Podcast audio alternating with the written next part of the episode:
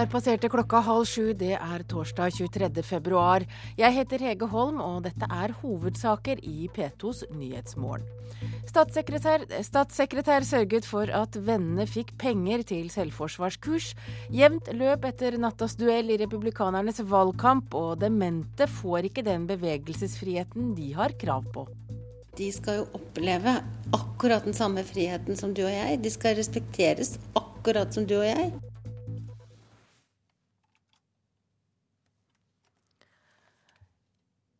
Da skal vi til saken om Audun Lysbakken og bevilgningene av penger til ungdomsorganisasjonen SU. For interne dokumenter som ble lagt fram i går, viser at det var statssekretær og tidligere SU-leder Kirsti Bergstø som sørget for at partivennen hennes fikk økonomisk støtte til selvforsvarskurs. Statsminister Jens Stoltenberg sier at dette er en spesiell sak.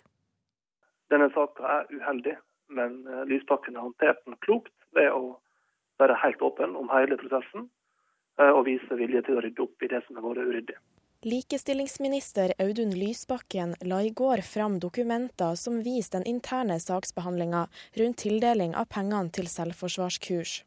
Her går det fram at det var statssekretær Kirsti Bergstø som var pådriver for å tildele 154 000 kroner til et selvforsvarskurs for jenter i SVs ungdomsorganisasjon SU.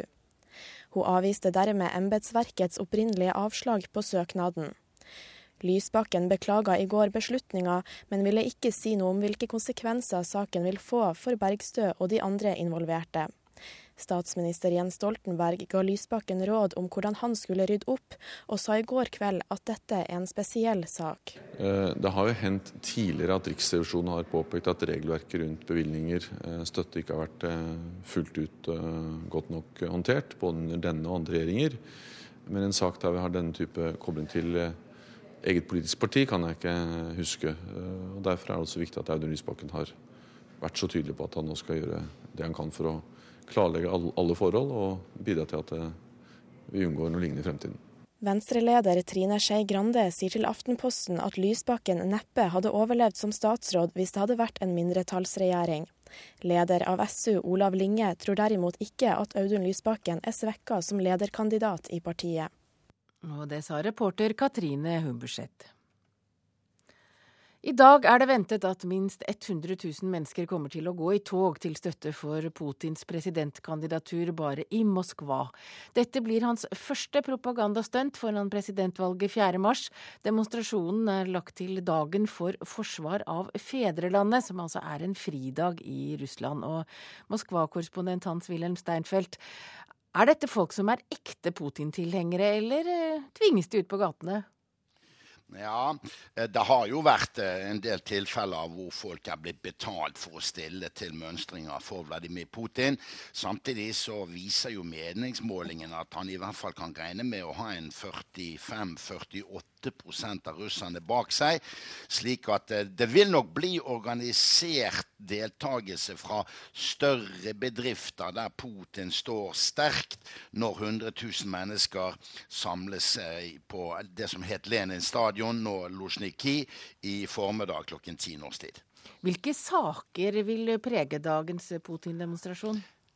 Tidligere støttemøter for Putin her i Moskva, bl.a. på Fanehøyden, var veldig preget av nærmest hatske utfall mot Vesten, særlig over det som skjer i Midtøsten og Syria. Putin deltar jo ikke selv på disse støttemøtene for seg selv.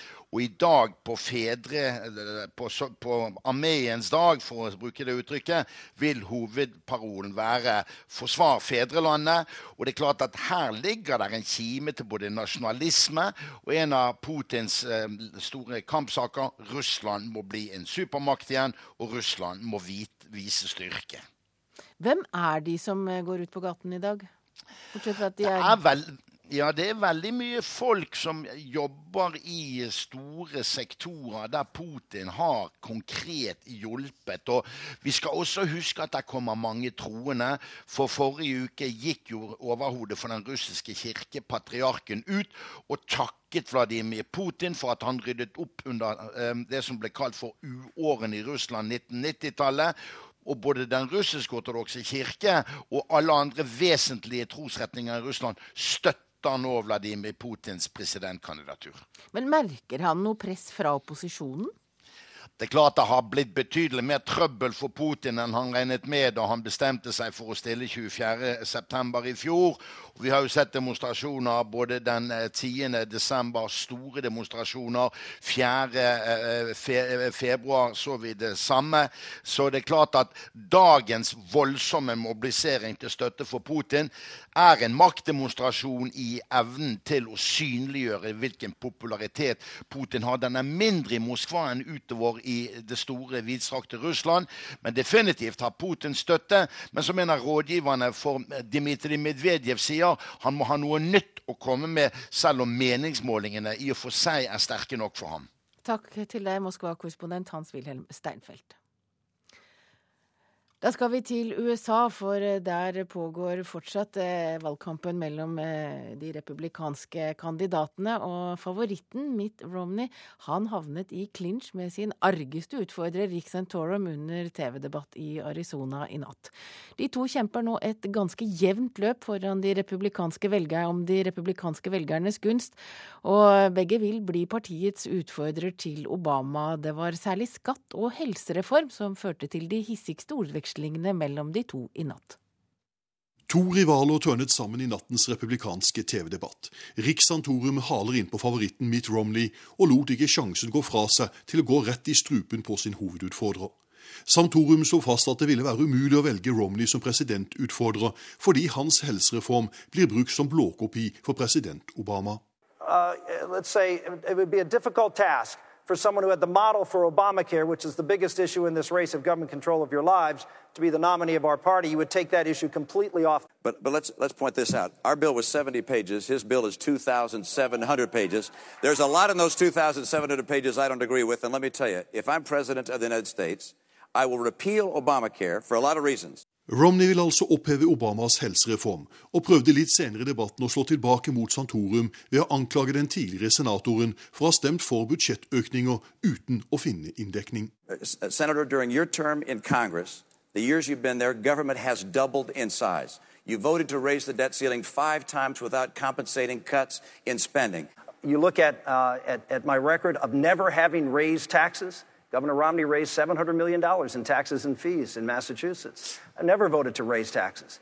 Governor Romney, even today, suggested raising taxes on the top 1%, adopting the Occupy Wall Street rhetoric. There, there were so many misrepresentations in there, it's going to take me a little while. Number one, I, vote, I said today that we're going to cut taxes on everyone across the country by 20%, including the top 1%. Skattekrangelen og helsereformkrangelen mellom Santorum og Romney var de mest intense rundene i debatten. Om fem dager er det nye delstatsvalg i Arizona og Michigan, delstaten der Romney er født og oppvokst. Her ligger de to rivalene side om side på meningsmålingene, og Santorum satser alt på å vinne over Romney på hans egen hjemmebane. That was a, that was a very torturous route to support Just a guy as who's a, pro, who's a pro-choice who's a pro-choice candidate. By the way, in 1996, in 1996, let's move the conversation along. Let's move the conversation along and take a question. Tvekampen mellom de to i natt bærer bud om at det blir nye tøffe dueller i fortsettelsen av den republikanske presidentkandidatvalgkampen. Jon Gelius, Washington. Og så skal vi høre om noen som har hatt en, eh, vil jeg tro, litt ubehagelig natt. For fem personer har måttet sove i bilene sine etter at de ble sperret inne mellom to skred mellom Suldal og Røldal. Det er både voksne og barn i de to bilene, men det står bra til med alle. Asbjørn Andersen er operasjonsleder i Hordaland politidistrikt. To biler ble stående der. De var på vei mot Røldal. Og før de kunne snu og kjøre mot Suldal igjen, så hadde det gått et nytt ras eh, på Lonastranda, slik at de sto innesperra mellom disse to rasene. De overnatta i bilene sine på et sted som er trygt. Eh, for øvrig er det stor rasfare i dette området, og derfor har ikke de kunnet komme ut i natt. Men de blir henta når eh, dagslyset kommer? Ja, når dagslyset kommer, så vil fagfolk vurdere rasfaren og eventuelt starte rydding av veien slik at de kan komme ut. Reporter her var Eirin Larsen. Da har vi kommet fram til en eh, presserunde i dag, og jeg sitter med dagens ferske aviser foran meg. Bergensavisen har vært i nabolaget og snakket med folk som kjenner både den drepte 98 år gamle Hilda Feste og 18-åringen som er siktet for å ha drept henne på Os. VG har også snakket med venner og vitner som forteller om hvordan den siktede 18-åringen er privat. Ti kommuner, ti forskjellige søppelordninger, noen har dunk, mens andre har fem. Det er Stavanger Aftenblad som har sjekket søppelsystemene i regionen. Ungdom som har sett foreldrene sine fulle, har større fare for å få et uheldig forhold til alkohol senere. Det skriver Bergens Tidende i dag. De har opplysningene fra Tidsskrift for Den norske legeforening. Måten en ulykke varsles på og oppfølgingen den første tiden er av den største betydning for pårørendes livskvalitet i ettertid. Det skriver avisen, eh, Adresseavisen, og kilden er Sinte-forskerne Liv Øvstedal og Dagfinn Mo, som har gjennomført grundige intervjuer med 15 familier som har mistet en ungdom. Under to promille av matbutikkene straffes for salg av alkohol til mindreårige, skriver Vårt Land. Høyre-politiker og leder i Stortingets helse- og sosialkomité mener at dagens skjenkekontroll ikke virker. Dagsavisen forklarer hvor, hvorfor Audun Lysbakken får fortsette som statsråd, selv om det har kommet fram at han har gitt penger til sine egne i Sosialistisk Ungdom. Han er eh, trolig påtroppende leder i SV. Han skal inn i underutvalget i regjeringen, og han har lagt seg helt flat, forklarer redaktør Arne Strand i Dagsavisen. Aftenposten skriver at det var Lysbakkens statssekretær Kirsti Bergstø som drev saken gjennom, men Lysbakken må ta det politiske ansvaret. Frp vil la kommunene avgjøre søknader om konsesjon for småkraftverk. I dag er ventetiden seks år, skriver Nasjonen. Kristelig Folkeparti vil skjerpe skatten for de aller rikeste, og jobbe for en god fordeling er avgjørende, sier KrF-lederen til Klassekampen. Dagbladet slår virusalarm på sin forside. Mange blir utsatt for virus på Facebook. Vi er lettlurte, skriver avisen. Gjeldskrisen i Europa gjorde at den norske kronen i går nådde det høyeste nivået mot euro siden 2003, skriver Dagens Næringsliv. Det betyr at nordmenn på vinterferie i euroland kan glede seg, mens eksportbedriftene sliter. Og Dagens Næringsliv kan også fortelle om at den nye treningstrenden er body design. Folk betaler altså i dyre dommer for personlige trenere som kan få kroppene deres til å bli perfekte, som f.eks. kroppen til Hall Berry og skuespiller Jennifer Aniston.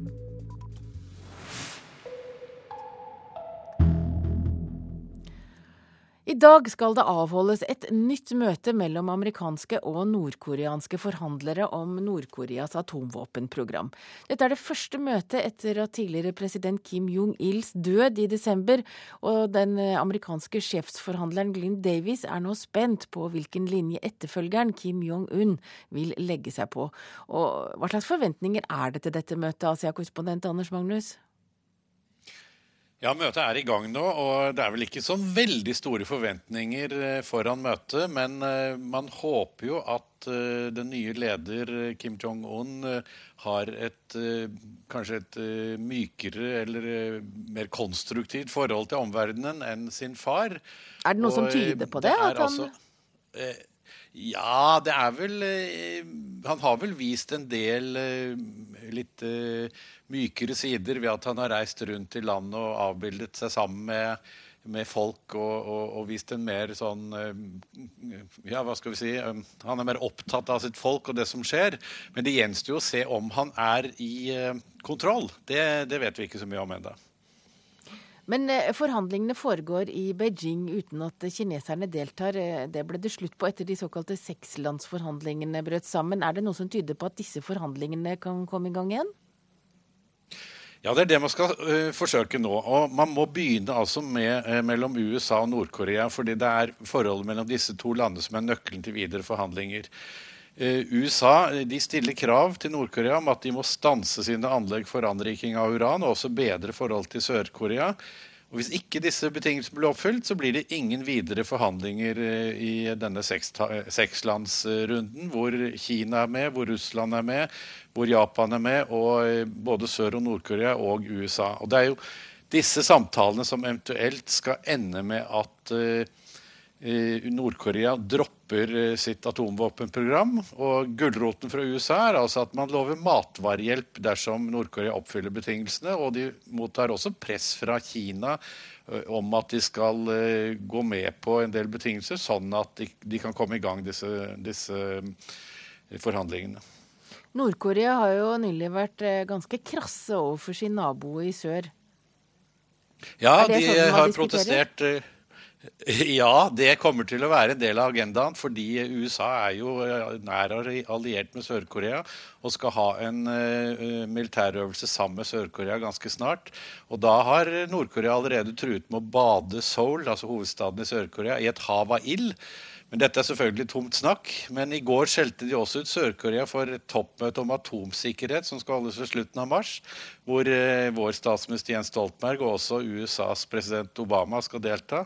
Nord-Korea kaller dette, en, dette møtet en barnslig farse, men sier det også at det er en utålelig provokasjon. Så, så de er, bruker sterke ord.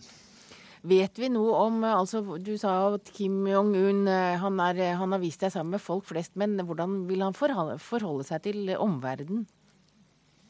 Altså, den siste tiden så har han lagt vekt på å vise seg mye sammen med også eh, soldater. og Senest i forgårs så kom det nye bilder hvor han inspiserer troppene. Så han er helt avhengig av å ha de militære støtte, for det er den største maktfaktoren i Nord-Korea.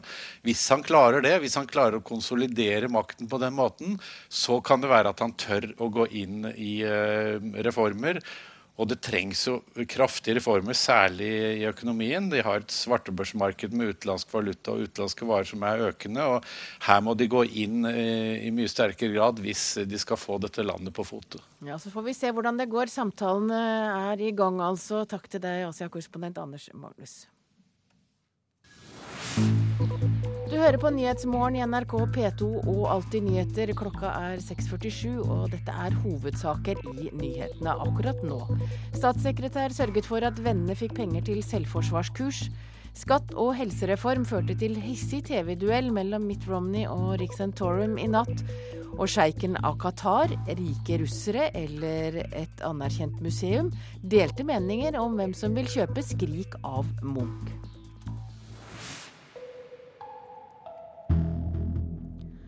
For å få lange hopp og kanskje en ny verdensrekord i skiflyvnings-VM i Vikersund, må juryen tørre å være dristige. Det mener NRKs hoppekspert Anders Jacobsen. Høy fart må til for å gi et underholdende VM. Jeg har et håp om at juryen er litt tøff, og lar det slippe over hillsize, i hvert fall som det er på 225 meter i den bakken her. Anders Jacobsen annonserte i går kveld at han gjør comeback neste sesong. Men i helgen jobber han som NRKs hoppekspert, og han vet at skiflygingsbakken i Vikersund er verdens mest moderne, og den er bygget for lange hopp. Håpet er å få en ny verdensrekord, og da må det fart til. Absolutt. Det er klart, eh, Du må hele tida ta sine forhåndsregler hvis det er mye vind i anlegget. Men hvis det er OK forhold, sånn noenlunde stabilt, så la, la, det stå til. La gutta hoppe for å på en måte få, få den effekten vi vil ha ut av verdens største hoppbakke. Tidligere verdensrekordholder Bjørn Einar Romøren tror juryen tenker sikkerhet fremfor underholdning. Det er nok ikke bare sånn med dristighet på juryen, men det er eh, ekstremt mye på, på hvordan forhold vi får i løpet av de dagene som kommer. Landslagstrener Alexander Støkkel tror juryen tar sjanser hvis forholdene tilsier det. For sure. If they see that the conditions are safe and constant, that's the most important thing, then I'm sure they will go up with the speed so far that, that it's uh, that it's going to be an enjoyment for the, for the public. Ja, reporter her var Geir Elle, og du kan høre hvordan det går i kvalifiseringen i skiflyvnings-VM i NRK P1 kveldsåpent fra klokka 19 i kveld. Innstrammingene i asylpolitikken har gjort at Norge ikke lenger lokker lykkejegere, det mener UDI. Tallet på asylsøkere som fikk oppholdstillatelse økte kraftig i fjor, og det betyr at mange av de som kommer til Norge har et reelt behov for vern.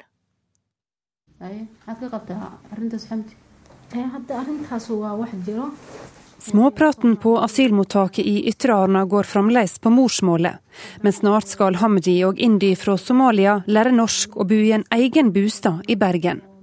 På tampen av fjoråret fikk de ja fra norske styresmakter. For selv om asylstrømmen fremdeles minker, så får langt flere av de som kommer til Norge nå oppholdsløyve. I fjor fikk vel 4000 personer innvilga opphold. Det er over halvparten av søknadene, og 10% flere enn året før. For flertallet har et reelt behov for vern. Det forteller direktør for asylavdelinga i Utlendingsdirektoratet, Hanne Gjendal. Regjeringen kom med noen innstrammingstiltak eh, i 2007-2008 som skulle forhindre at det kom såkalte lykkejegere. Og De tiltakene ser ut som har virket. Og at de som kommer faktisk har et krav på beskyttelse, det tenker jeg er en riktig utvikling. Raskere saksbehandlingstid, uttransporter med politifølge og færre midlertidige arbeidsløyve har gjort Norge mindre attraktivt. Ryktene går fort blant asylsøkere ute i Europa. Retorikk eh, fra myndighetspersoner om at vi har innført f.eks. disse innstrammingstiltakene, blir veldig fort kjent eh, ute i verden og blant menneskesmuglere. Reporter her var Trude Bakke. Sjeiken av Qatar eller eh, en rik russer, hvem er det som kommer til å kjøpe Munchs Skrik? Det er altså til salgs for 100 eh, millioner kroner, flere hundre millioner kroner, kanskje en milliard. Og det kommer til å ende hos, eh, til å ende hos en kunstgal milliardær, tror kunstekspert usannsynlig, sier kunsthandler.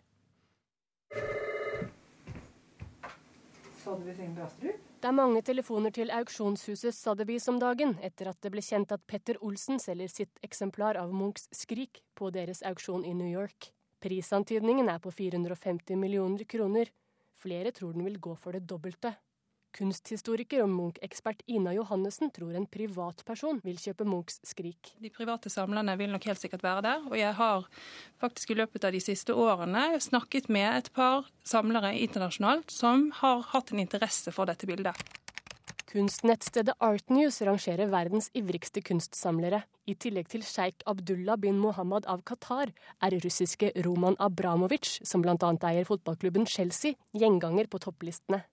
Andre rikinger Johannessen peker ut som potensielle kjøpere, er den franske milliardæren Francois Pinot og amerikanske Stephen Cohen, som allerede eier Munchs Madonna. Altså, Det blir bare et gjettverk. Ingeborg Astrup er Sotheby's representant i Norge. Hun er tilbakeholden med å spå hvem som vil kjøpe bildet. Det er helt umulig å vite. I hvert fall ikke i dag. Per i dag. For det kan være hvem som helst. Men det er selvfølgelig, det må være en som har masse penger. Selv om hun ikke vil leke gjetteleker med oss, er det én sak hun er sikker i. Mulige kjøpere i alle verdenshjørner, om det så er en sjeik eller et museum, vil få høre ryktene om at bildet er til salgs. Overalt, over hele verden, så blir det skrevet om dette bildet. At det skal opp på auksjon. Og jeg hørte fra Simon Shaw i går at eh, det hadde vært det mest omtalte emnet på Twitter worldwide i går. Litt inntrykk av rot, det er det ikke. Det er veldig i orden, altså. Hos Grev Wedels plass auksjonshus viser daglig leder Hans Rikard Elgheim vei blant kostbare malerier som står oppstilt langs veggene. Hvem er det som kjøper et bilde i den prisklassen? Altså fordi eh, prisen er abstrakt, så liksom fremkaller det fantasien hos oss alle, og da begynner vi å dikte hvem er den eksentriske samleren som kan bruke så mange penger. Men hvis man skal dra det ned på et uh, saklig nivå, rett og slett, så tror jeg at sannsynligheten er stor for at det havner på en institusjon. Uh, selvsagt fins det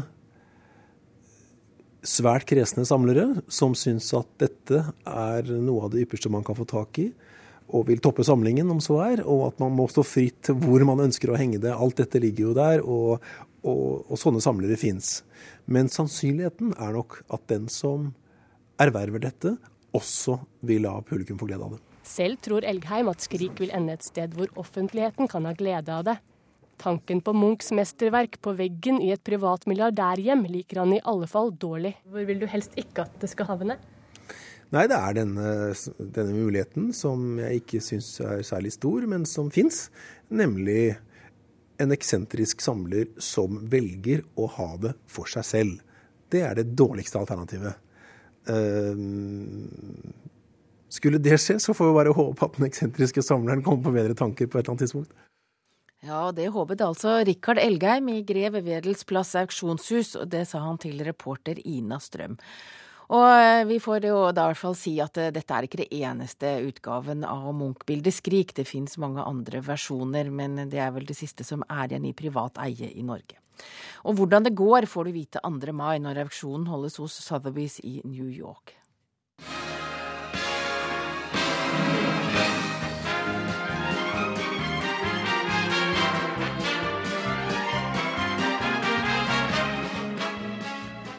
Ja, Da er det vel ingen tvil om hvor vi skal. Nå skal vi til Hollywood, for til helgen er det nemlig Oscar-utdeling i Filmbyen. Og i klassen beste kortfilm er det den norske Tuba Atlantic som er nominert. Et nesten fulltallig filmteam har tatt turen til Los Angeles, og bl.a. manusforfatter Linn Jeanette Kyrd, som nå er med oss på telefon. Og hvordan har Hollywood tatt imot dere? Jo, altså Her er det veldig hyggelig, altså. Absolutt. Er det noen som bryr seg om dere? ja, altså um, I går blant annet så, så var vi uh, i, i Samuel Goldwyn Theater, som er uh, et av salene til, uh, til Oscar-akademiet. og viste da filmen vår sammen med resten av de som var nominert i kategorien. og og filmen vår fikk eh, veldig veldig god respons, og folk eh, lo så taket nærmest letta. Og vi fikk eh, veldig stående applaus, så det var helt fantastisk. Og de lo på de rette stedene? De lo på de rette stedene. Det var helt fantastisk. Altså, jeg satt jo i salen, men jeg så ikke på filmen. Jeg satt jo bare og kikka rundt på, på, publikum og storkoste meg. For det var bare smil, så det var kjempefint. Men når det er sagt, så var det de andre filmene også var eh, fantastisk bra. Så, så, man ble også veldig nervøs under den eh, visningen, altså, fordi eh, vi har veldig sterke konkurrenter. Ja, For du vet hvem du konkurrerer mot?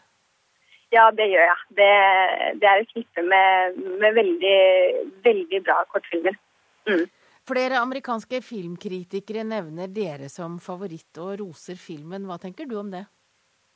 Ja, det er, jo, det er jo helt fantastisk. Og det er jo bare et sånt stort kompliment som man må ta med seg. Eh, og, eh, men jeg tenker at vi fokuserer veldig lite på det, for det kan man aldri vite. Eh, så, så, vi tar det med oss. Og så tenker vi at man, uansett hvordan det går på, på, søndag, så føler vi oss som, som vinnere. Dette er eksamensfilmen vår, så det er jo helt utrolig at den har eh, klart å krype seg inn, eh, inn eh, det nåløyet der. Har du forberedt takketalen? Eh, heldigvis sier jeg altså at det er det regissøren som skal gå opp og holde den takketalen hvis vi vinner. Eh, jeg tror ikke jeg hadde klart å få fram et eneste ord. Jeg tror jeg bare er som smør og tårer hadde kommet fra, fra meg da. Så, så, jeg skal bare sitte helt eh, stille og rolig i salen mens han går opp og holder en takketale. Da får du ha lykke til, manusforfatter eh, for filmen 'Tuba Atlantic', Linn Jeanette Kyed. Da har vi kommet fram til været og et værvarsel som gjelder til midnatt. Rondane, fjellstrøkene, Dovrefjell, svenskegrensa, vestlig kuling utsatte steder. Enkelte snøbyger i vestlige strøk, stort sett opphold og noe sol i øst. I kveld sørlig kuling utsatte steder og snø. Fjellstrøkene Trollheimen, Jotunheimen og Langfjella vestlig bris, kuling utsatte steder. Noen snøbyger vesentlig i vestlige strøk. I øst perioder med pent vær. Østlandet og Telemark stort sett pent vær. Fra i ettermiddag sørvestlig liten kuling på kysten. Tilskyende i kveld forbigående regn og snø i høyden. Agder vestlig liten kuling på kysten, stort sett opphold. I øst stort sett pent vær. Fra i ettermiddag sørvestlig liten kuling på kysten. Senere vestlig stiv kuling på kysten av Vest-Agder. Rogaland minker det til vestlig bris. I ettermiddag sørvestlig frisk. I kveld vestlig liten kuling. Etter hvert regn, snø over 700 meter. Hordaland vestlig Vestlig bris, enkelte regnbyger, snø i høyden. Utover ettermiddagen økning til sørlig stiv kuling på kysten. I kveld dreiende vestlig. Etter hvert regn, snø i høyden. Sogn og Fjordane enkelte regnbyger. Utover ettermiddagen økning til sørlig sterk kuling på kysten. I kveld sørvestlig stiv kuling og liten storm ved Stad. Møre og Romsdal, der blir det enkelte regnbyger. I kveld sterk kuling på kysten, først i sør. Trøndelag nordvestlig opp i stiv kuling på kysten. Regnbyger og snøbyger i høyden. Helgeland og Saltfjellet nordlig liten kuling på kysten fra i formiddag. Eh, Fra i formiddag nordlig frisk bris, enkelte sludd- og snøbyger. Salten og Ofoten dreining til nordvestlig opp til liten kuling på kysten. I kveld eh, vind fra skiftende retninger. Og Lofoten Vesterålen minking til nordvestlig, periodevis liten kuling, enkelte snøbyger.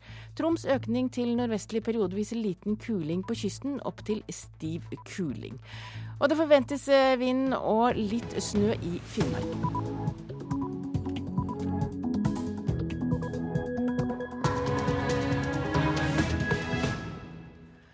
Klokka er sju, du lytter til Nyhetsmorgen. Jeg heter Hege Holm, og her er en nyhetsoppdatering. Tusenvis ber om kommunal bolig hvert år, kraftig økning i flere storbykommuner. Og Ønsket mitt er vel kanskje å få en leilighet som jeg hadde hatt et soverom i, hvert fall, istedenfor å ligge på gulvet.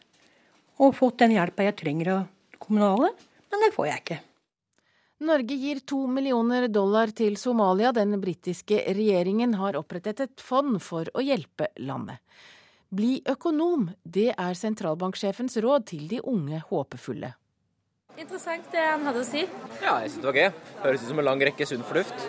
Du syns ikke han blir litt tørr noen ganger, da? Nei, i hvert fall ikke for meg. Det må jo være menigmann som syns det i så fall. Men eh, jeg føler jo henger med bedre enn mange andre. Senterpartipolitiker lanserer kriseplan for landbruket, sier at selv de tradisjonelt mest optimistiske bøndene på Jæren ser mørkt på fremtiden. En halv million afghanere er på flukt i eget land, det viser ny rapport fra Amnesty. Og det er ventet en ny tronarving i Sverige. Prins Daniel skal straks snakke til pressen. Interne dokument som ble lagt fram i går, viser at det var statssekretær og tidligere SU-leder Kirsti Bergstø som sørget for at partivennen hennes fikk økonomisk støtte til selvforsvarskurs. Statsminister Jens Stoltenberg sier det er en spesiell sak. Likestillingsminister Audun Lysbakken la i går fram dokumenter som viser den interne saksbehandlinga rundt tildeling av pengene til selvforsvarskurs. Her går det fram at det var statssekretær Kirsti Bergstø som var pådriver for å tildele 154 000 kroner til et selvforsvarskurs for jenter i SVs ungdomsorganisasjon SU. Hun avviste dermed embetsverkets opprinnelige avslag på søknaden. Lysbakken beklaga i går beslutninga, men ville ikke si noe om hvilke konsekvenser saken vil få for Bergstø og de andre involverte. Statsminister Jens Stoltenberg ga Lysbakken råd om hvordan han skulle rydde opp, og sa i går kveld at dette er en spesiell sak. Eh, det har jo hendt tidligere at Riksrevisjonen har påpekt at regelverket rundt bevilgninger, eh, støtte, ikke har vært eh, fullt ut godt nok håndtert, både under denne og andre regjeringer. Men en sak der vi har denne type kobling til eget politisk parti, kan jeg ikke huske. Og Derfor er det også viktig at Audun Lysbakken har vært så tydelig på at han nå skal gjøre det han kan for å klarlegge alle forhold og bidra til at eh, vi unngår noe lignende i fremtiden.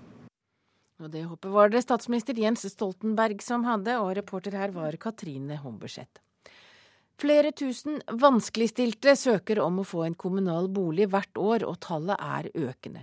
Likevel har Oslo færre boliger å tilby enn for få år siden, mens andre storbykommuner kun har en liten økning. Det gjør at køene for å få bolig blir lengre. Jeg bodde på Grønland, jeg er under brua der. I en periode når jeg rusa meg, men nå er jeg rusfri. Her er mitt soverom. Her på gulvet. Rusfri, men fortsatt uten et eget sted å bo. Der er sengetøyet mitt. Kjæresten sover også på kjøkkengulvet, på noen pledd. To andre voksne bor i samme leilighet, som er på 40 kvadrat. Du ser, det er ikke stort her. Det er bedre enn å bo på gata. i hvert fall. Jeg orker ikke å bo mer på gata. Det har jeg gjort nok i livet mitt. Men i likhet med nesten 2000 andre i hovedstaden står Ann Karin Sørensen i en kø som blir stadig lengre. I 2007 søkte 4000 om et kommunalt tak over hodet i Oslo. I fjor søkte 5000. I Stavanger har dobbelt så mange søkt de siste fem årene. Når søkninga øker, så er det sammenheng med at um, for en del grupper så er det veldig vanskelig å komme inn på det eieboligmarkedet. For det er jo, um, nå er boligprisene høye og har vært det ganske lenge. Sier Fafo-forsker Anne Skjevik Grødem. Men til tross for økninga ruster ikke alle norske storbykommuner opp og kjøper flere boliger. I 2004 hadde Oslo over 10 600 utleieleiligheter. Nå har kommunen 500 færre. Bergen har fått flere boliger, men lengre venteliste. Stavanger har omtrent like mange boliger som for fem år siden. Men uh, vi tenker vel at uh, dette her er et problem som bare øker fordi at innvandringa til Norge har økt såpass sterkt de siste åra, særlig med arbeidsinnvandring fra EØS-området. Og det er jo folk som um, har et relativt sånn, kortvarig perspektiv på oppholdet i Norge og ikke har noen interesse av å kjøpe bolig her, så de vil ønske å leie et eller annet sted. Så de da, som har det vanskelig på leiemarkedet i utgangspunktet, de vil jo da komme enda lenger bak i køen. da. Og siden en polsk snekker oftere får ja fra en privat utleier enn en somalisk barnefamilie, bør det få konsekvenser for norsk boligpolitikk, mener Grødem. Nå tenker vi jo generelt i Norge sånn at det å skaffe seg en bolig er et eh, privat ansvar, og det er veldig liten sosial boligpolitikk her i landet. Så verken kommunene eller for så vidt staten eh, jobber noe særlig med dette her. Men når vi nå får ganske store grupper som enten ikke har mulighet til det, eller ikke er interessert i det, så må vi kanskje begynne å tenke på sosial boligutleie på en litt annen måte. Men for kommunalminister Liv Signe Navarsete er ikke målet at kommunene skal få flere boliger. Vi ser at behovet øker, eh, og det legger òg føringer på kommunene. Samtidig er jeg opptatt av at det er ikke bare utleieboliger som er svaret. Svaret er å ha et uh, ulikt tilbud til ulike grupper, og at en har det mangfoldet i boligtilbudet som gjør at kommunen kan sikre alle en trygg bostad. Det er det det handler om. Nå er Ann-Karin Sørensen 48 år. For hun er målet å få sitt eget navn på døra innen hun fyller 50. Og ønsket mitt er vel kanskje å få en leilighet som jeg hadde hatt et soverom i, hvert fall, istedenfor å ligge på gulvet. Og fått den hjelpa jeg trenger av kommunale. Men det får jeg ikke. Og reporter her var Kristine Svendsen, og vi har fått besøk av Tone Lund Georgsen. Du er offiser i Frelsesarmeen, og du er også leder for Frelsesarmeens slumstasjon her i Oslo. Velkommen. Hvordan merker dere at eh, flere og flere står i boligkø?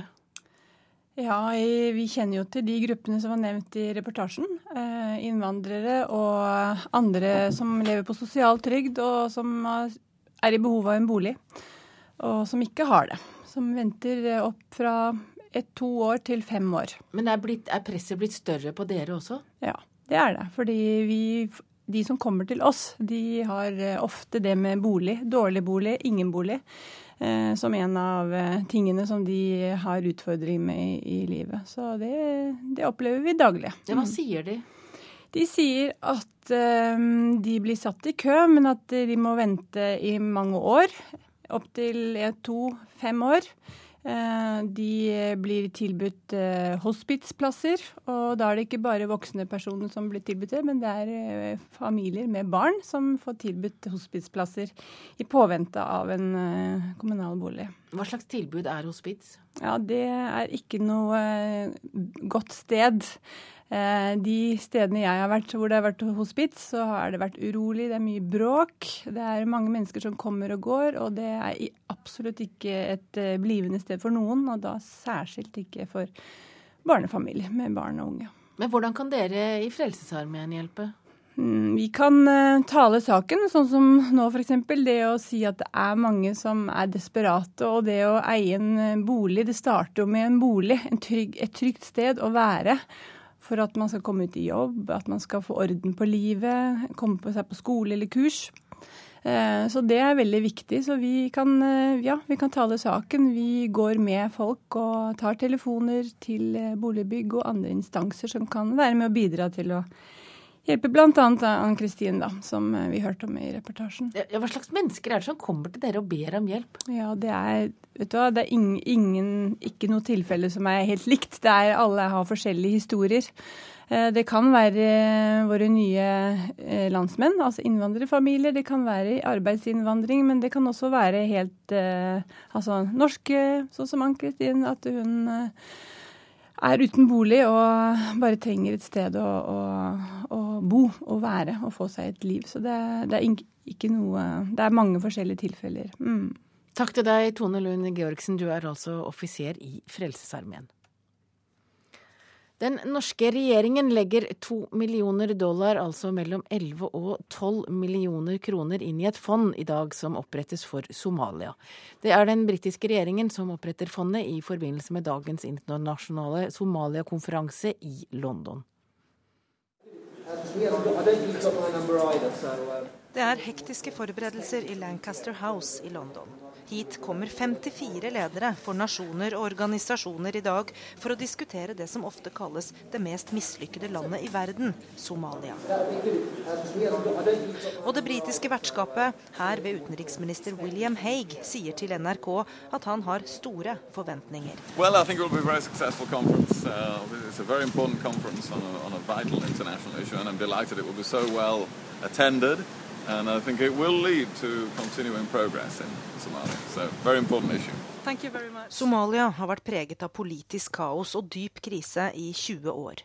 I dag skal man diskutere alt fra sult og humanitær katastrofe til internasjonal terrorisme og sjørøveri langs kysten av Somalia. Men først og fremst blir det internasjonale bidraget en bredest mulig støtte til overgangsregjeringen og andre krefter som trekker mot fred i Somalia. Etter det NRK erfarer, oppretter den britiske regjeringen i dag et fond som skal bidra til å bygge opp skoler, veier og annen infrastruktur i områder der de gode kreftene får fotfeste. Den norske representanten på konferansen, utviklingsminister Erik Solheim, har med seg to millioner dollar, eller mellom 11 og 12 millioner kroner, til dette fondet i dag. Og når initiativtakeren selv, statsminister David Cameron, åpner konferansen i formiddag, understreker han at det er somalierne selv som må løse Somalias problemer. Men det internasjonale samfunnet kan hjelpe til. Somalia hasn't been a functioning state. There hasn't been the rule of law. There hasn't been proper governance. There hasn't been proper livelihoods for people. And so we've got to put in place all of those building blocks. Now, to do that. And the aim of this conference is to get behind them and help them to do just that. Og det var det David Cameron, statsministeren, som sa til slutt. Korrespondent Gry Blekastad Almås dekker konferansen i London. Og målet er altså å hjelpe somalierne til å komme seg på bena igjen etter mer enn 20 år med borgerkrig. Afrikakorrespondent Lars Sigurd Sunnanå, du har akkurat kommet tilbake fra Somalia. Du er nå med oss fra Nairobi. Hva tror du kan komme ut av denne konferansen? Forventningene er nok ikke altfor høye. Det er holdt rundt 20 internasjonale konferanser om Somalia etter at landet gikk i oppløsning i 1991. Men det som nå skal skje i London, der bl.a. USAs utenriksminister Hillary Clinton og FNs generalsekretær Ban Ki-moon deltar, i tillegg til at vi blir lovt økt bistand til gjenoppbygging, er å få på plass en bedre koordinering av det internasjonale samfunnets hjelpetiltak overfor den krigsherjede nasjonen på Afrikas Horn. Det er ikke nok å legge penger på bordet. Bruken av dem er minst like viktig når en står overfor en føderal overgangsregjering i Somalia som ikke nyter særlig tillit internasjonalt. Den har vært preget av korrupsjon. Om den skal få fortsette å styre etter at mandatet for den løper ut i august, er ikke avklart.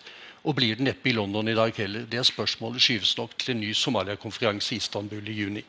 Men, men, Betyr det at selv om det nå blir avsatt et fond og det kommer mer penger, så er det absolutt ikke sikkert at de pengene kommer eh, somalierne til gode? Det er satt av veldig mye penger, ikke minst gjennom FN-systemet her i Nairobi, til somalierne. Men det er eh, en rekke åpne spørsmål hvordan disse pengene er blitt brukt og disponert. Sånn at man har hatt alvorlige tilfeller av korrupsjon inne i Somalia. Og dette er et veldig, veldig viktig spørsmål som man må løse. Den islamistiske opprørsbevegelsen Al Shabaab har jo de siste årene holdt deler av Somalia i et jerngrep, men, men nå virker det vel som om opprørerne er på vikende front? Ja, den er det. Fredsbevarende styrke fra Den afrikanske unionen har drevet opprørerne ut av hovedstaden Mogadishu. Og i går rykket etiopiske styrker og noen få soldater fra overgangsregjeringen inn i byen Baidoa i den sentrale delen av Somalia. Al Shabaab har da trukket seg ut uten kamphandlinger.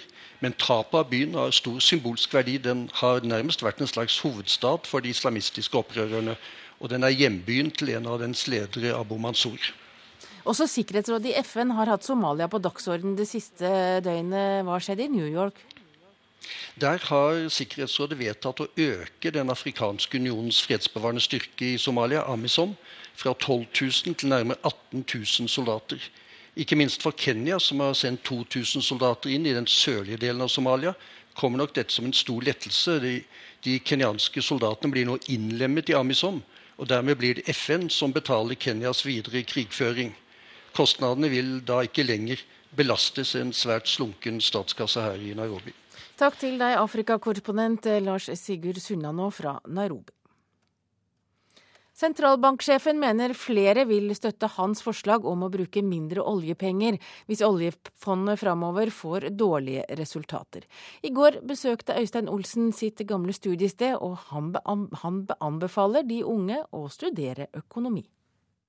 Interessant det han hadde å si. Ja, jeg syns det var gøy. Høres ut som en lang rekke sunn fornuft.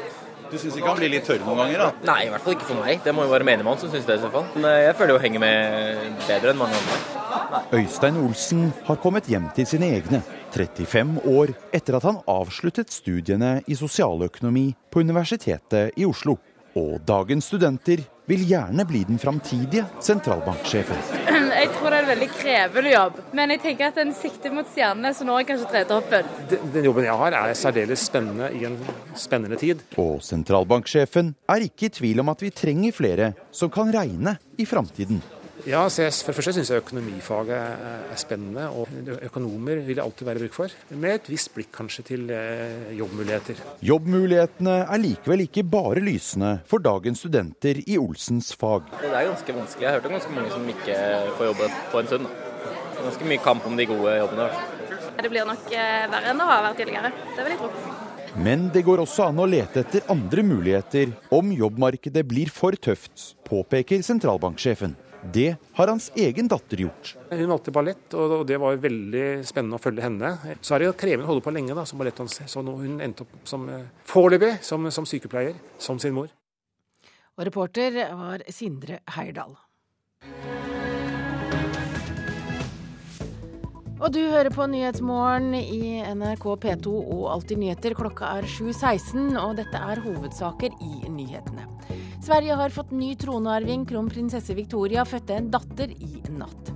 Tusenvis ber om kommunal bolig hvert år. Det er en kraftig økning i flere storbykommuner. Og Norge gir to millioner dollar til Somalia. Den britiske regjeringen har opprettet et fond for å hjelpe landet.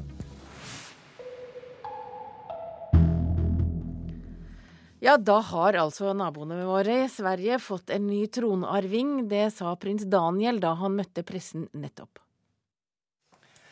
I morse klokken 04.26 fødtes en 51 cm lang og 3280 gram tung, veldig søt prinsesse.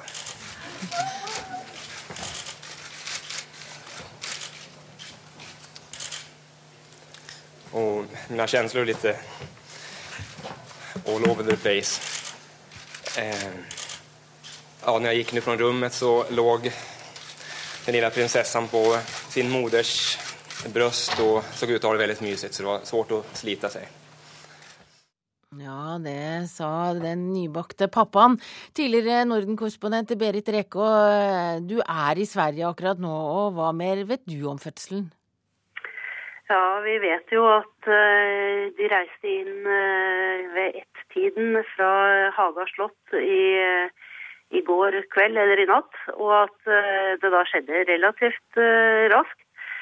Klokka 4.26 hørte vi prins Daniel si så var denne lille prinsessen, denne lille tronarvingen, født.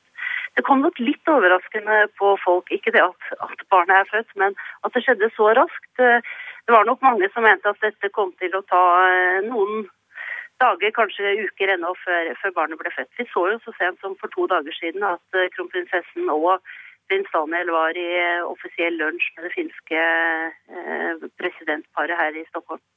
Hvordan opplevde du prinsen da han møtte pressen? Det var en veldig rørt prins og nybakt far som kom som jeg vil vel si nybakte fedre flest, og med et, et, smil som strakk fra øre til øre, og kunne fortelle at uh, han var blitt far, og at uh, vi så også at uh, tårene var ikke langt unna hos den, han som vanligvis også blir fort rørt. Um, og det var en det var en spesiell opplevelse. Det er jo mange år siden sist jeg er født uh, tronarvinger uh, i Sverige. Og det, er, uh, det var et stort øyeblikk som svenskene har ventet på i lang tid. Hva skjer utover dagen? Ja, Nå skal det komme offisielle kommuniker om at barnet faktisk er født. og Det skal også være en, en tradisjonell bevitnelse. Altså, her skal statsminister, her skal det som tilsvarer vår stortingspresident, altså talmannen i Riksdagen, og flere til bevitne at, at, det er født en, en tronarving. Så blir det en gudstjeneste. Det skjer sannsynligvis eh, allerede i dag. En eh, tre deum-gudstjeneste, altså en, eh, en, en, takk til Gud for at det er født et, et, et kongelig barn. Eh, og det skal også selvfølgelig saluteres. 21 ganger eh, skal det saluteres, eh, og det skjer nok også i løpet av formiddagen. Og det kommer vi tilbake til i senere sendinger. Takk til deg, Berit Reko. Selv de tradisjonelt mest optimistiske bøndene på Jæren ser nå mørkt på framtida til norsk landbruk. Det sier nyvalgt fylkesleder for Rogaland Senterparti, Bjarne Undheim. Han er bekymret for at de unge ikke lenger vil satse på landbruket, og lanserer nå en femårsplan for å redde næringen. Kos, kos. Den nyvalgte lederen for Senterpartiet i Rogaland er bekymra. Selv de unge, optimistiske bøndene på Jæren er blitt skeptikere og ser mørkt på framtida for norsk landbruk. Du ser plogspissen i Norge på matproduksjon, og det begynner å bremse der. Da frykter jeg for framtida. Bjarne Undheim lanserer derfor en femårig opptrappingsplan for å redde framtida for norsk landbruk. Sp-lederen ser for seg en todelt plan. Punkt én blir å stimulere til økte inntekter for bøndene gjennom bedre prisordninger, avgiftsreduksjon og mer statlig tilskudd. Punkt to blir opprettet et fond der bøndene kan søke penger til å investere i nye bygninger og nytt utstyr. Det tror jeg er helt nødvendig hvis en skal klare å nå de målene om 1 årlig økning i produksjon de neste 20 årene for å holde tritt med folkeveksten i Norge. Hvis intensjonen med planen kun er å fremme mer av den politikken som ikke virker, så er jeg jo selvfølgelig uenig i det innholdet i, i planen. Sier fylkesvaraordfører i Rogaland Terje Halleland fra Frp. Han er skeptisk til mer statlig tilskudd til bøndene. Han tar heller til orde for større gårdsbruk og skjerpa konkurranse i landbruket. Ja, og Reporter her var Magnus Stokka, og eh, vi har med oss direktør Ivar Pettersen ved Norsk institutt for landbruksøkonomisk forskning. Og Hva må til for å få tilbake optimismen i landbruket? Er det fond og mer lønn? Det, det bildet vi har hørt om her fra Bjarne Undheim, det, det, det formidler jo en sannhet. Eh, det er klart bøndene er frustrert. De, særlig i Rogaland har de investert kraftig. Det har vært satsingsvillige bønder. De har økt skalaen sin. Og så sitter de da med større gjeld, fortsatt stort gap på inntektene i forhold til andre sysselsettingsmåter osv. Så, videre. så Så det er klart frustrasjonen brer seg. Men eh, det som på en måte er realiteten her, det er jo at sannsynligvis, hvis trendene fortsetter i norsk landbruk, så skal omtrent halvparten av bøndene ut i løpet av 15 år.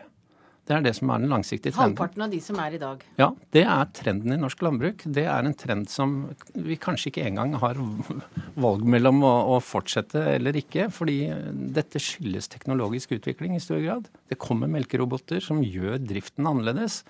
Og det tar bøndene konsekvenser av. Og så er det et spørsmål hvem er det som overlever i den situasjonen. Så om, eh, om Bjarne Undheim her reflekterer en, en, holdning om at eh, mange av oss må, må se for oss at vi, at vi må, må, nedlegge egen drift og disse brukene må slås sammen, så er det en konsekvens av en utvikling som, eh, som der har vist seg veldig vanskelig å stanse.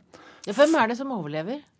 Ja, Det er de bøndene som tåler mest av satsinger, investeringer, økt gjeld osv. i denne perioden hvor eh, rasjonaliseringa i landbruket foregår. Og Hvilke bønder er det? Er det, er det jernbøndene? Jeg, jeg, jeg, har besøkt noen bønder på Jæren. og Ett eksempel er en person som sa at uh, han hadde investert i, i, stort fjøs i samarbeid med andre bønder. Så hadde han funnet ut at uh, pga. denne samdriftsløsningen så fikk han mye tid til overs. Da investerte han også i svine, svineproduksjon. Helt nytt anlegg. Lærte seg det utviklet driften med flere bein å stå på. Og så sa han at gjelda skal være nedbetalt før VTO-avtalen, den nye VTO-avtalen trer i kraft. Altså en veldig bestemt satsing på å utvikle bruket, og en bevissthet om at hvis ikke jeg utvikler mitt bruk, så blir det en av de som må gi opp. Det er spørsmålet om å utvikle eller avvikle. Så noen satser, men det blir mange i en sånn overgangsperiode som kommer til å se for seg at horisonten for deres drift er begrensa. Det er vel ikke mange flere som er blitt optimister etter å ha hørt på deg. Takk til deg, direktør ved Norsk institutt for landbruksøkonomisk forskning, Ivar Pettersen. Da skal vi ut i verden, for eh, de har i Afghanistan bor det nå en halv million mennesker i slum utenfor Kabul og andre byer. Det viser en rapport fra Amnesty International, for tallet på internt fordrevne i landet bare øker. Og generalsekretær i Amnesty, Jon Peder Egenes, hvorfor er det så mange flyktninger i eget land? Det er fordi eh, den sikkerhetssituasjonen i Afghanistan har blitt verre de siste årene. Det er eh, flere eh, kamphandlinger rundt omkring i landet. Det er flere sivile som blir drept. I fjor var det for tredje år på rad en økning i antall sivile drepte. Så folk flykter rett og slett til områder de mener er tryggere. Ja, og det tenker jeg på Når du sier at de flykter fordi det er kamphandlinger, vet de hvor de skal reise? Vet de hvor det er trygt? Ja, De reiser da, som folk gjerne gjør, inn til de største byene og til områdene rundt de største byene og etablerer seg der i leire som man kan omtale som eh, flyktning... Det hadde vært en flyktningleir hvis de hadde kryssa en grense, men fordi de ikke krysser en nasjonal grense, så, så kaller man det gjerne en slum eller en, eh, en, eh, en gruppe interne flyktninger. Men, men det er en, en det visuelle bildet av dette er akkurat slik folk ser for seg de verste flyktningleirene. Hus laget av plastposer og pinner, kanskje med litt leire eh, klint utenpå osv. Det er eh, ekstremt dårlige forhold. Hvilke forhold lever de under? Ja, De lever altså som sagt, i den typen boliger uh, uten tilgang, annen tilgang til rent vann enn det de kan kjøpe, uh, i en situasjon hvor de stort sett ikke har jobb. De har jo reist fra den jobben de hadde eller den jordflekken de dyrket. Uh, barna får stort sett ikke tilgang til skole. For å ha det så må man ha et identitetskort som man ikke får annet enn der man kommer fra. Ehm, de sanitære forholdene er forferdelige. Og vi har jo nettopp hørt nå at eh, bare i januar så var det 40 mennesker som frøs i hjel i disse leirene rundt omkring, og mange av dem var barn. Så dette er ekstreme forhold. Eh, Norge er jo i krig med Afghanistan. Har vi noe ansvar for disse flyktningene? Absolutt. Eh, noen av disse flyktningene har flyktet fordi norske styrker har vært i kamphandlinger med med eh, opprørerne i Afghanistan, og de føler seg utrygge. Eh, og Vi har jo ikke skutt på dem direkte, det er ikke det jeg påstår, men, men det er de kamphandlingene som sender dem på flukt. Og vi har innflytelse over afghanske myndigheter som ikke tar dette problemet alvorlig, fordi de ønsker, de drømmer om at disse menneskene bare skal uh, ta med seg pikkpakket sitt og dra tilbake dit de kommer fra. Um, og vi er nødt til å legge press på afghanske myndigheter, for dette problemet kommer til å bli større og ikke mindre. Ikke minst når de internasjonale styrkene trekker seg ut om en to års tid. Takk til deg, generalsekretær i Amnesty, Jon Peder Egenes. Argentina opplevde i går en av de verste togulykker i historien. 49 mennesker ble drept og 676 eh, er skadet eh, etter opplysninger fra argentinske myndigheter. Årsaken til ulykken var etter alt å dømme bremsesvikt da toget var på vei inn til stasjonen. Og Arnt Stefansen har sendt oss denne reportasjen fra Buenos Aires. Togstasjonen Once her i Buenos Aires i går kveld. Hundrevis av mennesker vandrer rundt på fortvilet jakt etter opplysninger om sine kjære. Ryktene svirrer, og mange er rasende fordi de får så lite informasjon om katastrofen. Den 45 år gamle Maria Ester Lona opplever en av de verste dager i sitt liv. No lo encuentro a mi hijo. Es este. Jeg finner ikke gutten min. Det er han her, sier hun og viser meg et lite bilde av en blid unggutt med kortklipt hår og snille øyne. Jeg vet at han var med ulykkestoget, men det er ingen som kan fortelle meg hva som har skjedd med ham. Jeg har lett i hele dag, og nå er jeg på vei til et nytt sykehus, sier hun med tårer i øynene. Store deler av gårsdagen gikk ambulansene i skytteltrafikk mellom togstasjonen Once og en rekke sykehus rundt om i den argentinske hovedstaden. Ulykken skjedde ved halv ni-tiden i går morges lokal tid, da et tog stappfullt av pendlere fra en forstad vest for byen var på vei inn til stasjonen, sviktet bremsene og tragedien var et faktum. Etter det NRK får opplyst, var det altfor mange passasjerer om bord, og mange sto i vognene da toget kolliderte med plattformen. Folk jeg snakker med på stasjonen, er ikke overrasket over at det skjer en slik ulykke. Hver dag er det tekniske problemer med disse togene, sier den 29 år gamle Rodilia Brites, som reiser med forstadstog inn til Ånsestasjonen hver morgen. I årevis har vi snakket om at det kommer til å skje en ulykke, og nå har det altså skjedd. Det verste er at det bare var en ren tilfeldighet at jeg ikke befant meg på ulykkestoget. Det er dette toget jeg tar til vanlig, men i dag var jeg litt sent ute og tok det neste, sier 29-åringen, sterkt preget av tragedien og det hun selv har opplevd. Arnt Stefansen, Buenos Aires. Og da er det tid for Dagsnytt, og produsent for uh, Nyhetsmorgen er Jean Erik Bjørnskau. Jeg heter Hege Holm.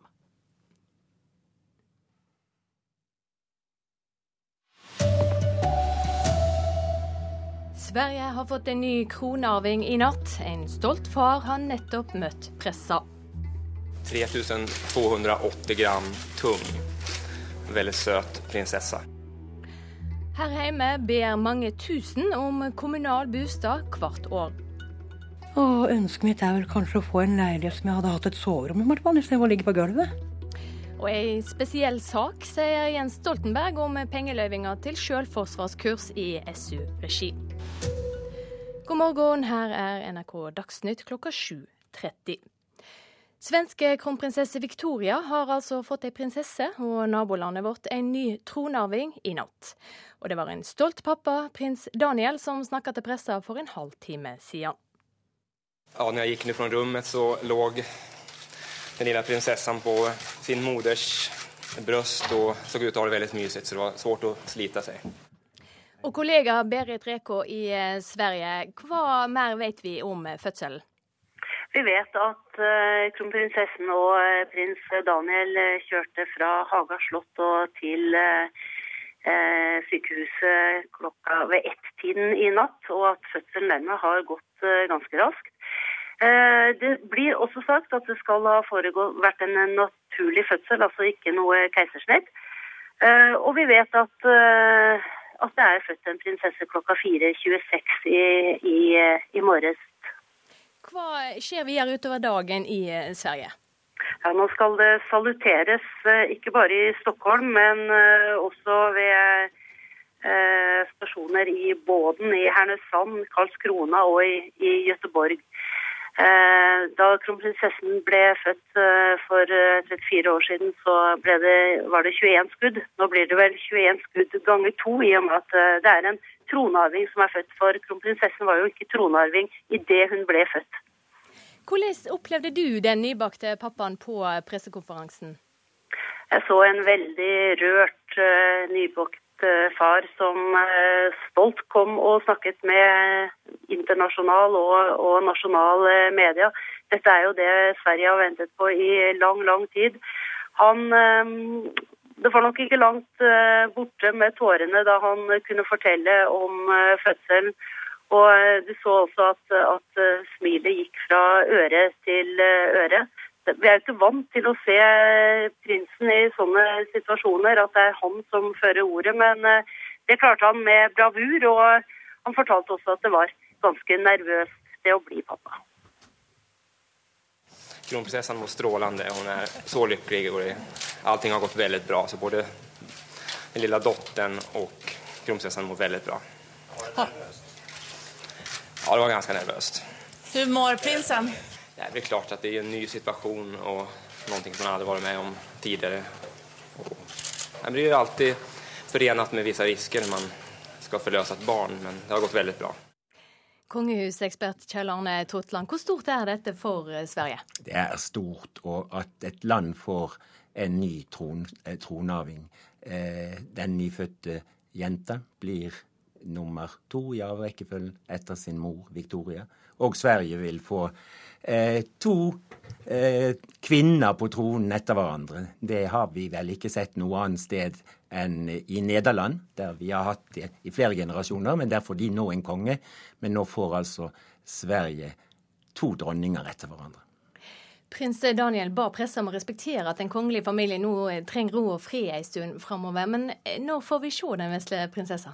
Jeg tror kanskje vi får se et bilde av prinsessen eh, allerede senere i dag. Hun har sagt at det er hennes far, Carl Gustav, som skal ta eh, det første bildet. Det har hun lovet ham. Og jeg tror at Hans Majestet eh, morfar Carl Gustav vil ta et bilde når han kommer besøk, på besøk senere i dag, og at vi får se det. Det er ingen tradisjon i Sverige for eh, at uh, moren viser frem babyen når hun forlater klinikken. Eh, det gjorde ikke Silvia i sin tid. Men det er heller ikke tradisjon for det Daniel har gjort i dag, så hvem vet? Kanskje Victoria viser babyen når hun drar. Takk skal du ha for at du kom i studio. Vi skal videre og høre at flere tusen vanskeligstilte søker om å få en kommunal bostad hvert år, og tallet er økende. Likevel har Oslo færre bosteder å tilby enn for få år siden, mens de andre storbykommunene bare har en liten øke. Køene for å få bostad blir lengre. Flere tusen venter på en sted å bo. Jeg bor på kjøkkengulvet her, som du ser. Der er sengetøyet mitt. Fire voksne på 40 kvadrat. Det er bedre det enn å bo på gata. hvert fall. Orker ikke å bo mer på gata. Det har jeg gjort nok i livet mitt. Men i likhet med nesten 2000 andre i hovedstaden står Ann Karin Sørensen i en kø som blir stadig lengre. Mens antall søkere har økt med 25% i Oslo de siste fem årene, har kommunen færre leiligheter å leie ut. I Stavanger har 50% flere søkt. Anne Skevik Grøde med forsker ved Fafo og sier behovet bare vil bli større. Så er det jo opp til eh, kommunene hva de vil gjøre med den, eh, den økninga, men det er klart at det skaper et sosialt problem hvis folk ikke har noe sted å bo. Mer arbeidsinnvandring øker presset på leiemarkedet, og en polsk snekker får oftere ja fra en privat utleier enn en somalisk barnefamilie. Det bør få konsekvenser for norsk boligpolitikk, mener Grøde. Altså Den norske måten å tenke bolig på har i veldig stor grad vært at eh, man skal hjelpe folk til å få kjøpe sin egen bolig. Men når vi nå får ganske store grupper som enten ikke har mulighet til det, eller ikke er interessert i det, så må vi kanskje begynne å tenke på sosial boligutleie på en litt annen måte. Men for kommunalminister Liv Signe Navarsete er ikke målet at kommunene skal få flere boliger. Vi ser at behovet øker, eh, og det legger òg eh, føringer på kommunene. Samtidig er jeg opptatt av at det er ikke bare utleieboliger som er svaret. Nå er Ann Karin Sørensen 48 år. For hun er målet å få sitt eget navn på døra innen hun fyller 50. Og ønsket mitt er vel kanskje å få en leilighet som jeg hadde hatt et soverom i, hvert fall, istedenfor å ligge på gulvet. Reporter Kristine Svendsen. Den norske regjeringa legger to millioner dollar, over 11 millioner kroner, inn i et fond som i dag blir oppretta for Somalia. Det er den britiske regjeringa som oppretta fondet i samband med dagens internasjonale Somalia-konferanse i London. Og den britiske utenriksministeren William Haig, sier til NRK at han venter seg mye av konferansen. Etter det NRK erfarer, oppretter den britiske regjeringen i dag et fond som skal bidra til å bygge opp skoler, veier og annen infrastruktur i områder der de gode kreftene får fotfeste.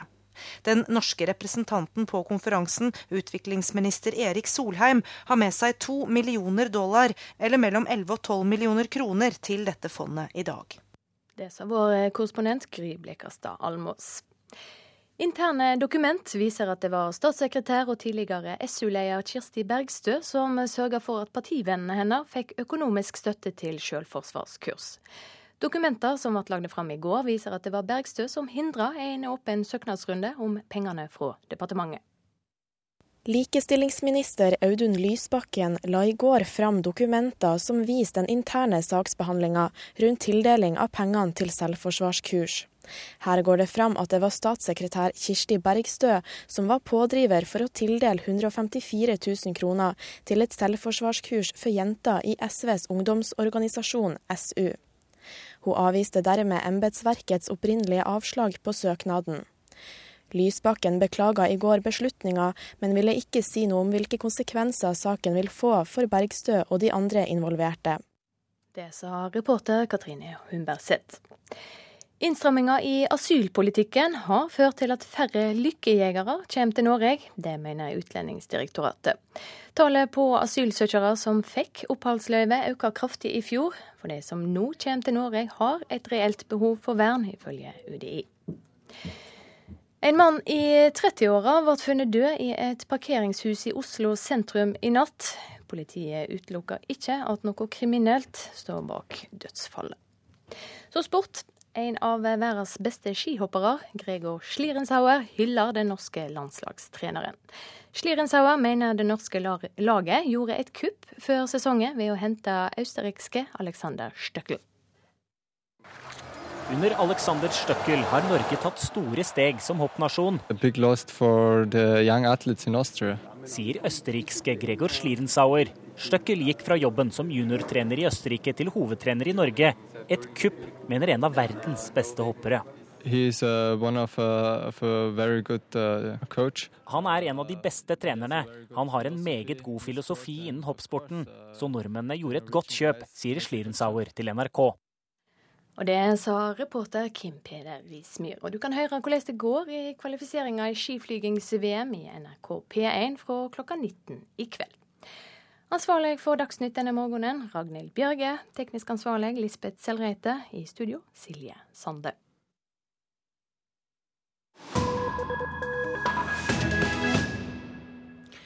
Hører på Nyhetsmorgen i P2 og Alltid nyheter, og nå skal vi til Japan. For snart ett år etter jordskjelvet og tsunamien i Japan går det sakte med opprydning i det katastroferammede kjernekraftverket Fukushima. Arbeiderne møter uventede problemer, noe som en gruppe journalister fikk erfare. Lyden du hører er fra en video tatt opp av en gruppe journalister som denne uken kom seg inn i det katastroferammede kjernekraftverket Fukushima Daiichi. Bildene, tatt opp nesten et år etter ulykken, viser fortsatt noe som ser ut som en krigssone.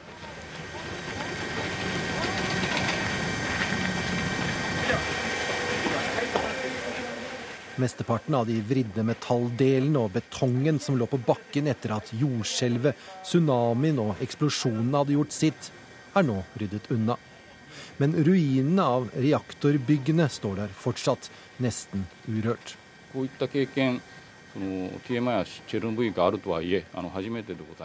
Situasjonen her er unik, sier sjefen for anlegget, Takeshi Takahashi. Han forteller at det er ekstremt vanskelig å fjerne det radioaktive brenselet fra reaktorene. Det foregår nå et stort forskningsarbeid for å løse dette problemet. Heldigvis er reaktorene stabile, så vi har tid. Tid nok til ikke gjøre noe som er usikkert, opplyser han til journalistene.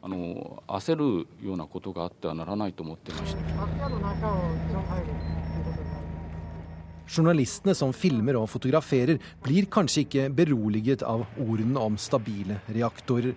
For de er alle sammen kledd i hvite beskyttelsesdrakter, hjelmer og gassmasker. Utendørs får de bare lov til å gå ut av bussen på ett sted. Stedet er en liten høyde utenfor reaktor 4. Der er strålingen 50 mikrosivert per time. Dvs. Si at de får en årsdose dersom de oppholder seg der ett døgn.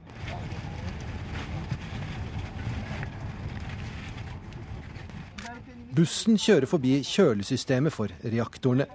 Det er disse som gjør at de japanske myndighetene kan si at anlegget nå er trygt at de ødelagte kjernene i reaktorene ikke er varme nok til å koke vann og avgi radioaktiv damp. Men journalistene på turen blir også fortalt at det oppstår nye lekkasjer fra kjølesystemet hele tiden. 40 stykker siden i januar. Dette er sannsynligvis ikke det befolkningen som hører til området ved kjernekraftverket ønsker å høre, og det vet myndighetene.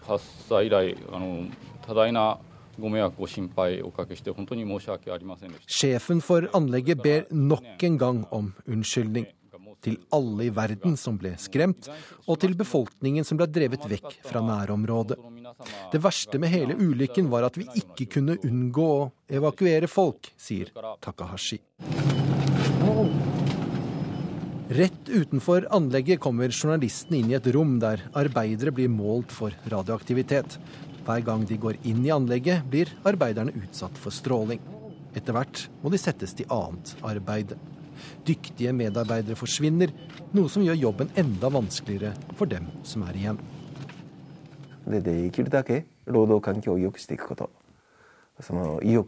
Hiroyuki Watanabe, en politiker fra Fukushima, har klare meninger om dette. Forholdene må gjøres bedre for arbeiderne ved anlegget, så oppryddingen kan gå raskere, sier han. Men det han ikke sier, er at kjernekraftverket må startes opp igjen. Og det er heller ikke noe som politikere i Japan sier for tiden. De sier det motsatte, og resultatet av det er at nå er 52 av Japans 54 atomreaktorer stengt. I april vil alle være stengt, kanskje for alltid. Og det sa reporter Halvard Sandberg. Klokka er 7.44, du hører på Nyhetsmorgen i P2, og dette er hovedsaker i nyhetene akkurat nå. Sverige har fått en ny tronarving i natt. Kronprinsesse Victoria har født en datter. Tusenvis ber om kommunal bolig hvert år. Det er en kraftig økning i flere storbykommuner. Og Norge gir to millioner dollar til Somalia. Den britiske regjeringen har opprettet et fond for å hjelpe landet. Og det nærmer seg Politisk kvarter, og presset mot statsråd Audun Lysbakken er tema, programleder Bjørnbø. Ja, opposisjonen er på krigsfot. Og hva gjør denne saka med SV, spør vi.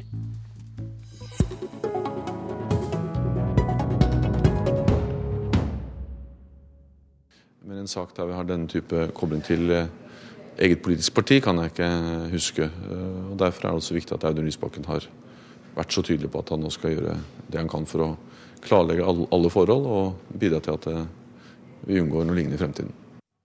Statsminister Jens Stoltenberg sendte i går kveld. Men dette er ikke nok for opposisjonen i Stortinget. Det vil gå videre, medlem av kontrollkomiteen for Høyre Per Christian Foss. Hvorfor er du ikke nøyd med at statsministeren sier det skal ryddes opp? Eh, vi må vite at alle kort er lagt på bordet. Hver gang vi spør, har vi fått nye fakta på bordet i denne saken. Så eh, det er ikke spilt med åpne kort. Og Dessuten så er det Stortingets eh, funksjon å kontrollere regjeringen. regjeringen og eh, i denne saken er jo fremgangsmåten så spesiell at eh, det er grunn til å reise en sak. Det at, kan, at en statsråd ikke ser forskjell på eh, statskasse og partikasse, opererer eh, med uformelle behandlingsmåter, stikk i strid med embetsverkets anbefalinger, det krever en eh, gransking nærmere. I hva grad har det noe å si at det ser ut til at det er en statssekretær som har hatt den tunge handa på rattet i denne saka? Det har ingen betydning, fordi det er statsråden uansett som er parlamentarisk ansvarlig, eller konstitusjonelt ansvarlig. Eh, og det har han også gjort, på en korrekt måte. Det er statsråden som har ansvar hvis han delegerer saker til f.eks. en eh, statssekretær. Mm. Hallgeir Langeland, du er SVs mann i kontrollkomiteen i Stortinget. Du kan vel ikke være overraska over at opposisjonen vil granske Lysbakkens embetsførsel videre? Nei, det er jeg ikke. Det er opposisjonens rolle, og det er kontroll- og konstitusjonskomiteens rolle. Men jeg har lyst, som utgangspunkt Jeg er gammel lærer i selvforsvar for jenter. Og jeg har sett hva dette betyr for jenter, den sjøltilliten de får, som faktisk kan forhindre voldtekt. Så med utgangspunktet så har jeg en stor forståelse for det engasjementet som har vært for å få dette til. Ja, Men, men det er vel ikke det som er saka? Så er det Nei, jo, men det, det er saka, det òg. For det, det, vi må huske på at her er det faktisk et politisk ønske om å få til noe. Og så har framgangsmåten ikke vært sånn som den burde være. Og derfor så har kontrollkomiteen grepet fatt i dette. Og nå får Audun lagt alle kort på bordet, masse papir på bordet i går igjen. Så nå, nå har vi altså da en, dette til drøfting i kontroll- og konstitusjon. Men er det da naturlig også for deg at uh, komiteen går videre med saka og åpner sak, som det formelt heter? Det må vi komme tilbake til. Jeg hører hva tidligere statsråd Per Kristian Foss sier. At uh, når han ikke følger embetsverkets råd, så, så, er det naturlig å trekke, lage sak. Men han har jo selv vært statsråd. og Jeg vil jo tro at han noen ganger òg overprøvde sitt eget embetsverk. Jeg håper iallfall det. Eh, så, så, så, her får vi diskutere saken i dagene som går. Eh, per Kristian Foss, i går avviste du ikke at det kan komme et mistillitsframlegg mot Lysbakken. Hvorfor legger du dette alvoret i saka? Jeg får sitere dagens kommentar i Dagsavisen, som, at, som sa at statsråd har måttet gå av mindre, av mindre, på mindre saker enn dette. Men Lysbakken er SVs mann i regjeringen. Han er kommende leder i SV.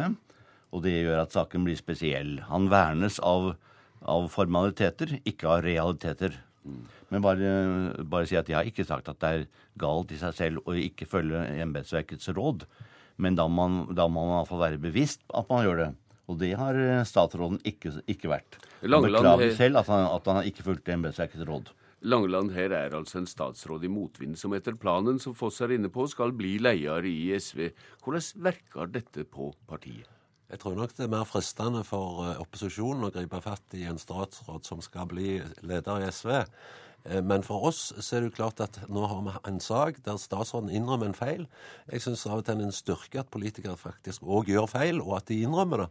Så det er utgangspunktet mitt eh, for, for dette. Ja, Men når en vedgår en feil, er det liksom greit, da? Nei, men nå, svaret på dette er jo nettopp det som Audun har sagt. Gjennomgang av alle rutiner sørge for å se om det er andre feil som er begått. Få i det hele tatt få alle kort på bordet, sånn at en kan rydde opp dette så det ikke skjer igjen.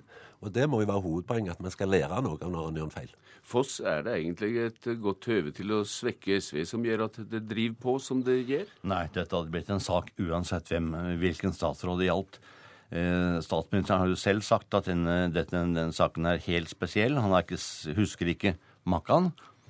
Så dette hadde blitt en sak uansett. De har eh, nettopp eh, Stoltenberg bekreftet. Og Men, Dette skal vi jo diskutere nå i kontrollkomiteen. Det er naturlig å fylle opp med utgangspunkt i nye opplysninger. Svar på, på brev som kontrollkomiteen har sendt, har nå Lysbakken gitt. Og nå skal vi diskutere det svaret vi har fått i kontroll- og konstitusjonskomiteen. Eh, I går så sa medlem av eh, kontrollkomiteen fra Arbeiderpartiet, Martin Kolberg, noe i retning av at det ikke var naudsynt å leite mer på dette nå. Men det er det kanskje da, Langeland? Nei, altså Nå hører jeg hva opposisjonen sier, og så skal vi da se på de svarene vi har fått, og så skal vi diskutere dette i kontroll- og konstitusjonskomiteen, sånn som vi alltid gjør. Og det er jo klart at vi skal lytte til de argumentene som, som opposisjonen her kommer med, og være ydmyke i forhold til de spørsmål som opposisjonen måtte komme med. Per Kristian Foss, hvordan tolker du det at Langeland høres nærmest audmjuk ut nå? Ja, det er ikke helt vanlig, men, men jeg, skjønner, jeg skjønner at saken er spesiell. Eh, Martin Kolberg sa det samme også da, før vi sendte siste brev. Nå er alt eh, avklart, sa Kolberg. Det var det ikke. Så det er grunn til å fortsette eh, saken. Ja, og da blir det vel slik. Takk til dykk, Per Kristian Foss og Hallgeir Langeland. Men vi skal ikke slippe denne saka. Politisk redaktør i Dagbladet, Marie Simonsen, det er de avis som har rulla fram dette. Når du har hørt politikerne her, hvor står dette politisk akkurat nå? Det kom vel eh, rimelig klart frem at eh, denne saken ender i kontrollkomiteen som en høring.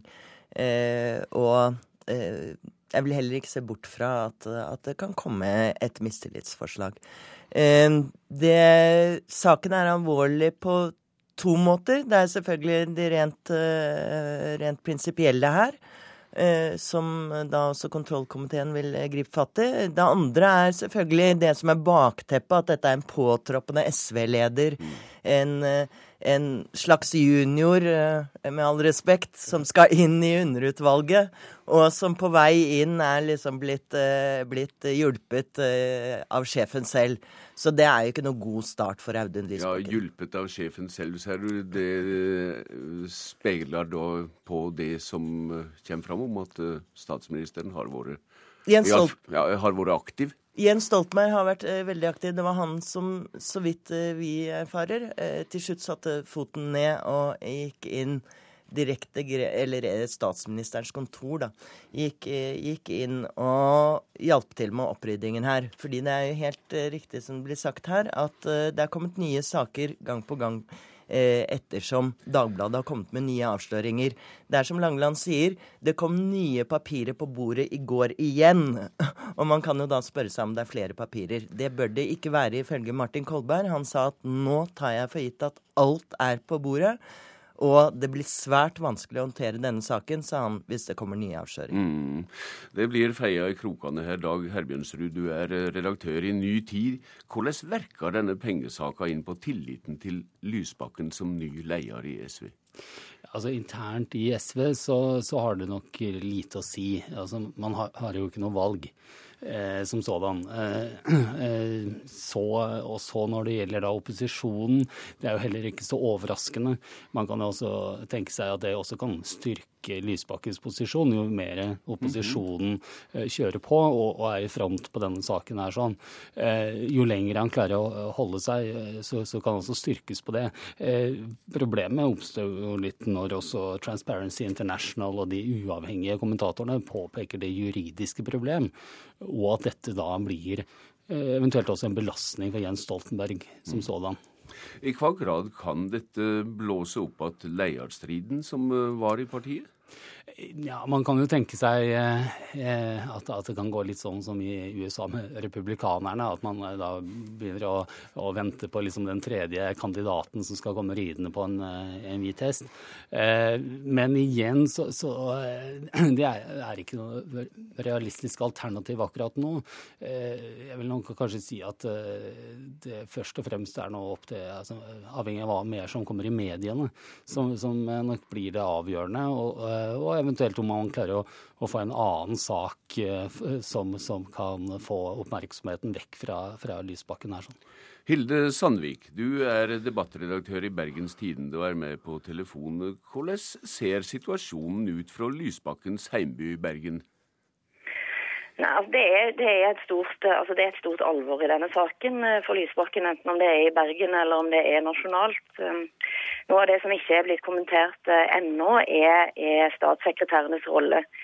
Og en del av opprydningen i dette vil òg handle om i hvor stor grad Audun Lysbakken klarer å vise at statssekretærene, til tross for at han har det parlamentariske ansvaret, eh, har, har, på hvordan de Eh, har handla, og, hva som, og hva, som, eh, hva som, vil skje med dem framover. Både Henriette Westrin og, og, Kjersti Bergstø. Det er, ikke, det er ikke så veldig vanskelig å tenke seg at en kan komme i en situasjon der, der en eller to av de kan komme til å gå.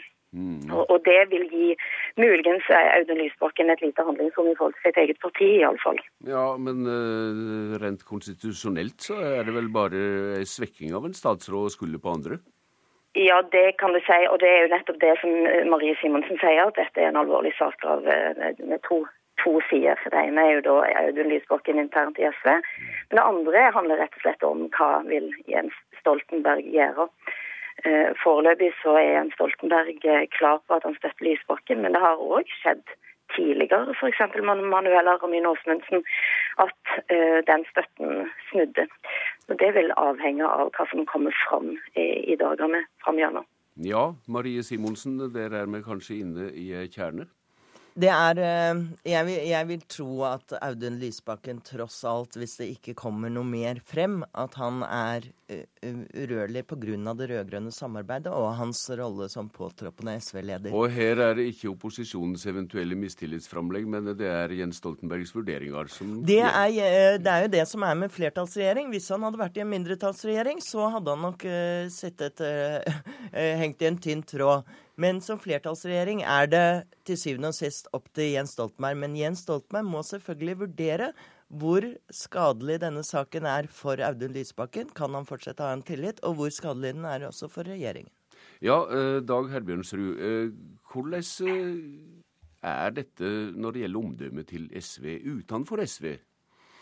Ja, du kan si at fordommene er der uansett. Så, sånn at det er en ekstremt eh, kinkig sak både for den, eh, for den nye påtroppende lederen, men også som Simonsen var inne på her nå med Stoltenberg, og det dilemmaet han står overfor.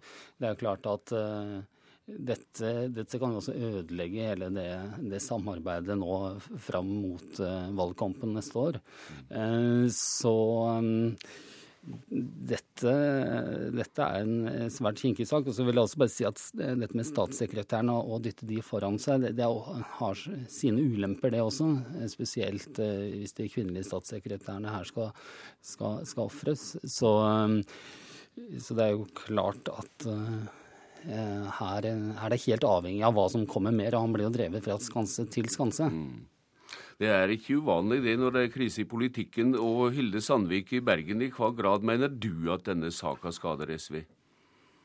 Det skader SV òg fordi at uh, dette går inn i kjernen av, en, uh, av det, det, det, det, moralske SV òg. Og her har en Altså Her har en altså da tilsynelatende brukt, brukt, partiets, brukt statens penger som partiets penger. Og det er en alvorlig sak for SV som det ville vært for andre partier. Og, og, at denne saken nå blir tatt videre i kontroll- og konstitusjonskomiteen, det er, en, det er avgjørende. Marie Simonsen, i går sa Lysbakken at han har gjort feil vurdering, og, og det er det på et vis, hadde vi inntrykk av at han mente. Hvor politisk vågsom er han da? Jeg, jeg syns det virker som Audun Lysbakken ikke helt skjønner hvor alvorlig dette er. Eh, han kan overhodet ikke skyve disse statssekretærene foran seg, verken eh, formelt eller på noen annen måte, fordi at denne saken har Dagbladet skrevet nå i, om i over en måned. Han har holdt på med opprydningsarbeidet selv, vært med på å ikke legge frem den fulle og hele sannheten, og som leder i kontrollkomiteen sa, han har unndratt informasjon fra kontrollkomiteen. Hmm. Takk til deg, Marie Simonsen, til Dag Herbjørnsrud og til Hilde Sandvik. Politisk kvarter er slutt. Jeg heter Bjørn Bø.